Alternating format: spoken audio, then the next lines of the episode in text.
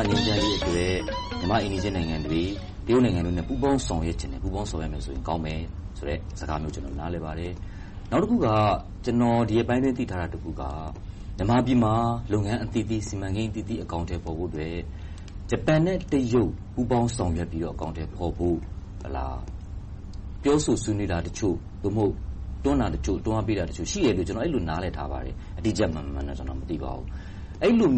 တရုတ်နဲ့ ဂျပန် ပူးပေါင်းဆောင်ရွက်နိုင်မယ့် အလားအလာ မြန်မာပြည်မှာ ဘယ်လောက်အထိ ရှိပါသလဲ။ကျနော်တို့က မြန်မာနိုင်ငံအတွက် အင်မတန်မှ အရေးကြီးတာ ဘာလဲဆိုရင် မြန်မာနိုင်ငံက နိုင်ငံရေးတည်ငြိမ်မှု၊ဒီမိုကရေစီ ရှိဖို့။ပြီးတော့ နောက်တချက်က စီးပွားရေးက ဖွံ့ဖြိုးဖို့။စီးပွားရေး ဖွံ့ဖြိုးမယ်ဆိုပေမယ့် အဲဒါကအထင်အရှားဖွံ့ဖြိုးတယ်။ ပြီးတော့ ဗမာပြည်သူလူထုတိုင်းကစီးပွားရေးတိုးတက်မှု အကျိုးကို ခံစားနိုင်တယ်။အဲဒါကို ကျနော်တို့က အကောင်အထည် ဖော်စေချင်တယ်။အဲဒါကို အကောင်အထည် ဖော်မယ်ဆိုရင် မြန်မာနိုင်ငံက နိုင်ငံတကာအကုန်လုံးနဲ့ဆက်ဆံမှု ကောင်းဖို့လိုတယ်။ဒါကြောင့် အခုက ရခိုင်ပြည်နယ်ကိစ္စကြောင့်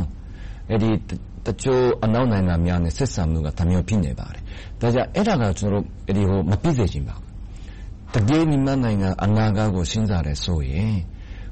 တရုတ်နိုင်ငံ၊အနောက်နိုင်ငံ၊အနောက်နိုင်ငံလို့ပြောတဲ့အခါမှာအမေရိကလည်းပါပါမယ်။ EU နိုင်ငံများလည်းပါပါတယ်။ပြီးတော့အာဆီယံနိုင်ငံတွေအရေးကြီးပါတယ်။အဲဒီလိုဂျပန်လည်းပါပါမယ်။အဲဒီလိုတကမ္ဘာလုံးကနိုင်ငံတိုင်းကမြန်မာနိုင်ငံနဲ့အဆင်ပြေတဲ့ဆက်ဆံမှုရှိဖို့လိုတယ်။အဲဒီလိုရှိမှမြန်မာနိုင်ငံအခုနပြောတဲ့နိုင်ငံရေးတည်ငြိမ်မှု၊စီးပွားရေးတိုးတက်မှုအကောင်အထည် ဖော်နိုင်ပါမယ်။ဒါကြောင့် အဲဒီသဘောထားနဲ့တရုတ်တင်မကဘူး အနောက်နိုင်ငံ၊အမေရိကနိုင်ငံတို့နဲ့မြန်မာနိုင်ငံ အဲဒီလိုဖြစ်အောင် ပူးပေါင်းပြီး ဆောင်ရွက်ချင်ပါတယ်။သံအမတ်ကြီးကို မေးခွန်းတခု ပွင့်ပွင့်လင်းလင်း မေးချင်ပါတယ်။ကျနော်တို့ ပရိသတ်ကလည်း သိချင်တဲ့မေးခွန်းလို့ ယုံကြည်ပါတယ်။တရုတ်နဲ့ ဂျပန်ကြားမှာ မြန်မာနိုင်ငံနဲ့ ပတ်သက်ပြီးတော့ အပြင်းအထန် ပြိုင်ဆိုင်လုပ်ဆောင်နေရတဲ့ အနေအထားမျိုးများ ရှိပါသလား။အဲဒါက ကျနော်တို့အပြင်က လူတိုင်းက အဲဒီလို ပြောပါတယ်။ အဲဒါက မမှန်ပါဘူး။ကျနော်တို့က ဘာလုပ်နေသလဲဆိုရင် မြန်မာနိုင်ငံ စီးပွားရေး တိုးတက်ဖို့အတွက် တကယ့်မြန်မာနိုင်ငံက စီးပွားရေး တိုးတက်ပြီးတော့ ပြည်သူလူထုက အဲဒီအကျိုးကို ခံစားနိုင်ဖို့အတွက် ဘာအကူအညီများ လိုအပ်သလဲ။အဲဒါကို စဉ်းစားပြီးတော့ လုပ်နေပါတယ်။အဲဒါကိုတရုတ်နဲ့ ပိုင်ဆိုင်ခြင်းလို့ ဒီ စီမံကိန်းလုပ်မယ်၊ဟိုစီမံကိန်းလုပ်မယ် စဉ်းစားတာ တခါမှ မရှိပါဘူး။ ဒါကြောင့် ကျနော်တို့က အခုနပြောတဲ့အတိုင်း မြန်မာနိုင်ငံ စီးပွားရေး တကယ့်စစ်မှန်တဲ့ စီးပွားရေးဖွံ့ဖြိုးတိုးတက်မှု။စစ်မှန်တဲ့ စီးပွားရေးဖွံ့ဖြိုးမှုဆိုတာကတော့ Sustainable ဖြစ်တယ်။ပြည်သူလူထုက အဲဒီအကျိုးကို ခံစားနိုင်တယ်။အဲဒါကို ဖြစ်အောင်လုပ်မယ်ဆိုရင် နိုင်ငံတကာဆက်ဆံမှု၊တကမ္ဘာလုံးနဲ့ ဆက်ဆံမှုက အင်မတန်မှ အရေးကြီးပါတယ်။ဒါကြောင့် ကျနော်တို့က ပြိုင်ဆိုင်တယ်။အဲဒါတော့မဟုတ်ပါဘူး။တရုတ်နိုင်ငံ က မြန်မာနိုင်ငံနဲ့ ပတ်သက်လို့ စိတ်ဝင်စားတာ ဘာတွေဆိုတာကို မြန်မာလူထုတော်တော်များများ သိကြပါတယ်။တခြားနိုင်ငံတွေနဲ့ ပတ်သက်လို့ အဲဒီလောက်သိကြတာ မရှိပါဘူး။ဆိုတော့ ဂျပန်နိုင်ငံအနေနဲ့ မြန်မာနိုင်ငံနဲ့ ပတ်သက်လာရင် အဓိက မဟာဗျူဟာမြောက် စိတ်ဝင်စားမှုသည် ဘာဆိုတာများ ကျနော်တို့ ပရိသတ်ကို ပြောပေးနိုင်မလား။ကျနော်တို့ကမြန်မာနိုင်ငံမှာဆိုရင် နှစ်ခု ရှိပါတယ်။အကြောင်းက နှစ်ခု ရှိပါတယ်။ပထမအကြောင်းက မြန်မာနိုင်ငံမှာဆိုရင် မြန်မာနိုင်ငံက ကျနော်တို့ ဂျပန်နိုင်ငံအတွက် ကျေးဇူးရှိနိုင်ငံ ဖြစ်ပါတယ်။ဘာဖြစ်လို့လဲဆိုတော့ နေရာတိုင်းမှာပြောပါတယ်။ဒုတိယကမ္ဘာစစ်ပွဲမှာမြန်မာနိုင်ငံ အထူးသဖြင့် ဗမာလူမျိုးများကို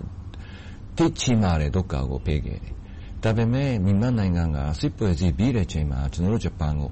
အင်မတန်မှ အားပေးလိုက်တယ်။အကူအညီပေးလိုက်တယ်။ဥပမာပြောမယ်ဆိုရင် စားနပ်ရိက္ခာကို သိပ်ရှားတဲ့အချိန်မှာတော့ဗမာဆန်ကို ဂျပန်ပြည်ကို ပို့လိုက်တာရှိပါတယ်။ဒါကြောင့် ကျနော်တို့ ဂျပန်လူမျိုးတိုင်းက ဘာကြောင့်လဲ မသိပါဘူး။မြန်မာနိုင်ငံကို လာတဲ့လူတိုင်း ဂျပန်လူမျိုးတိုင်းက မြန်မာနိုင်ငံကို အင်မတန်မှချစ်တယ်၊သဘောကျတယ်။ဒါကြောင့် ကျနော်တို့က ဒီလောက် ဂျပန်နိုင်ငံအတွက် ဒီလောက် သမိုင်းအရ ပြည်သူလူထုအချင်းချင်းမှာ ဒီလောက် ရင်းနှီးတဲ့နိုင်ငံဆိုတော့ကျနော်တို့ ဂျပန်နိုင်ငံအတွက် မြန်မာနိုင်ငံမပါရင် တခြားနေရာမှာ နိုင်ငံတခုမှ မရှိတော့ဘူး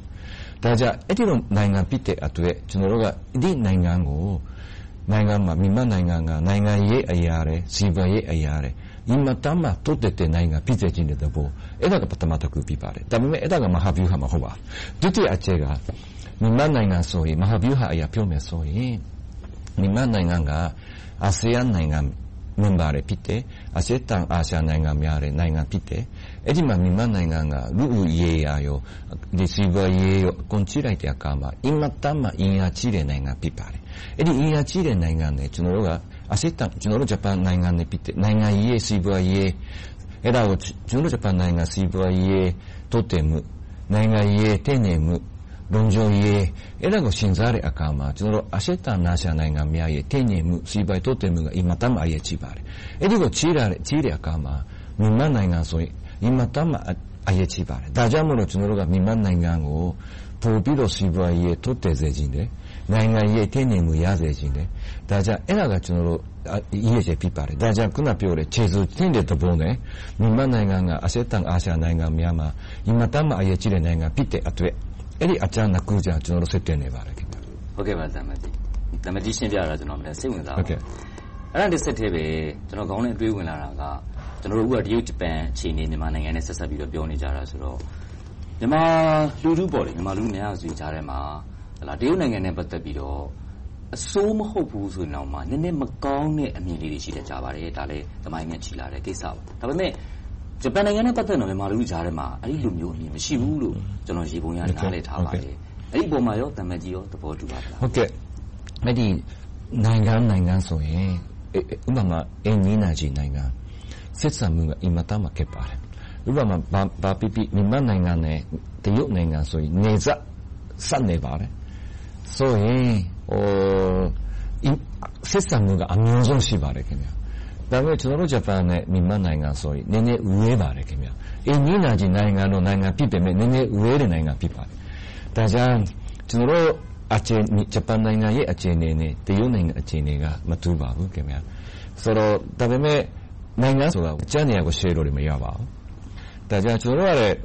မျှော်လင့်တာကတော့ တရုတ်နိုင်ငံ ဆက်ဆံမှုတွေအဆင်ပြေဖို့တွေမြန်မာနိုင်ငံတွေအရေးကြီးတယ်ဆိုတော့ကျွန်တော် လုံးဝနားတယ်ပါလေခင်ဗျာ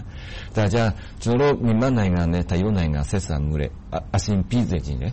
ပြီးတော့ခုန အရင်ပြောတဲ့အတိုင်း မြန်မာနိုင်ငံ တကယ်စီးပွားရေး နိုင်ငံရေး တိုးတက်ဖို့ရှင်းစားမယ်ဆိုရင်ဟိုနိုင်ငံတကာ ဆက်ဆံမှု အဲ့ဒါက တရုတ်နိုင်ငံတွေပါတယ်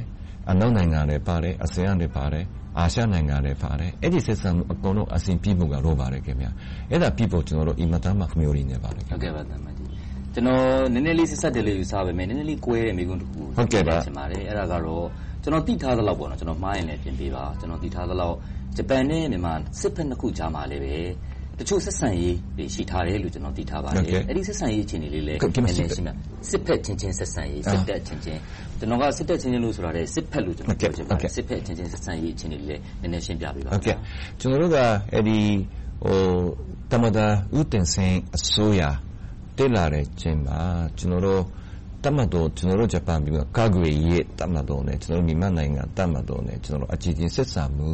အဲ့ဒါကိုကျွန်တော်တို့စနှုံးနေပါတယ်ခင်ဗျာဥပမာပြောမယ်ဆိုရင်ကျွန်တော်တို့ကမြန်မာနိုင်ငံတတ်မှတ်တော်အရာရှိများကျွန်တော်တို့ဂျပန်နိုင်ငံမှာရှိတဲ့ကာကွယ်ရေးတက္ကသိုလ်မှာပညာတော်သင်အရာကျွန်တော်တို့လက်ကလာတယ်ရှိပါတယ်ပြီးတော့ကျွန်တော်တို့နောက်တစ်ခုကတော့ဒီတဘာဝဘေးအန်ဒရေး ကာကွယ်ဖို့အတွက် ကျွန်တော်တို့ ဂျပန်ပြည်မှာလည်းတတ်မှတ်တော်က အင်မတန်အရေးကြီးပါတယ်2000ကဒါကြောင့်မို့လို့ကျွန်တော်တို့ ဂျပန်ပြည်မှာရဲ့အတွေ့အကြုံအဲဒီတဘာဝဘေးအန်ဒရေးကာကွယ်ဖို့အတွက်တတ်မှတ်တော်ရဲ့ခန္ဓာကဘယ်လိုခန္ဓာရှိတာလဲ အဲ့ဒါကို ကျွန်တော်တို့လည်းအဲဒီဟိုဒီလေ့ကျင့်မှုပေးနေတာလည်းရှိပါတယ်။ဒါကြောင့် ကျွန်တော်တို့ အဲ့ဒီလို အချင်းချင်း ဆက်ဆံမှုလည်းရှိပါတယ်ခင်ဗျ။ဟုတ်ကဲ့ခင်ဗျ။တစ်ဆက်တည်းပါပဲဟိုဂျပန်စစ်ဘက်ကနေပြီးတော့မြန်မာစစ်ဘက်ကို တခြားအကူအညီ အထောက်ပံ့တွေ ပေးတာရောရှိပါသေးလား။ဟုတ်ကဲ့အဲ့ဒါပစ္စည်းပိုင်းပေါ့။အဲ့ဒါတော့ မရှိပါဘူးခင်ဗျ။ကျွန်တော်တို့က တကယ်ပြောမယ်ဆိုရင် အခုမြန်မာနိုင်ငံကတတ်မတော်ဆိုရင်ဟိုမြန်မာနိုင်ငံ နိုင်ငံရေးဟိုအကြမ်းအမျိုးမျိုးကြောင့်ဟိုနိုင်ငံရေးမှာတဲ့အဓိကတောင်းတန်းဆန်ခဲ့ပါလေ။အခုကအဲ့ဒီဒီမိုကရေစီနိုင်ငံပြည်တာပေါ့အယတအစိုးရ ပေါ်ပေါက်လာပါတယ် NLD အစိုးရ ပေါ်ပေါက်လာတယ် ဒါပေမဲ့တမတော်ကတော့စစ်ပြီးတော့ အရေးကြီးတဲ့ခံစားရှိပါတယ် ကျွန်တော်လုံးဝနားရပါတယ်ငင်ချင်ရေးအတွေ့အထူးသဖြင့် အရေးကြီးပါတယ်ဆိုတော့ဒါပေမဲ့တမတော်အစိုးရ ဒီမိုကရေစီအစိုးရအယတအစိုးရပြည်လာတဲ့အချိန်မှာတမတော်အရာဘယ်လိုအဲ့ဒီဟိုတောင်ဘယ်လိုပုံစံမျိုးနဲ့တောင်တန်းဆိုင်ရမလဲဆိုတာကကျွန်တော်တို့ဂျပန်ဆိုရရဲ့ဂျပန်နိုင်ငံရဲ့အတွေ့အကြုံကိုကျွန်တော်တို့ရှင်းပြပြီးတော့အဲ့ဒီဟိုနားတယ်မှုရနိုင်ဖို့အဲ့ဒါလည်းကျွန်တော်တို့အကူအညီများတကူပြပါတယ်ခင်ဗျာဟုတ်ကဲ့ပါတမန်ကြီးကျေးဇူးများပါတယ်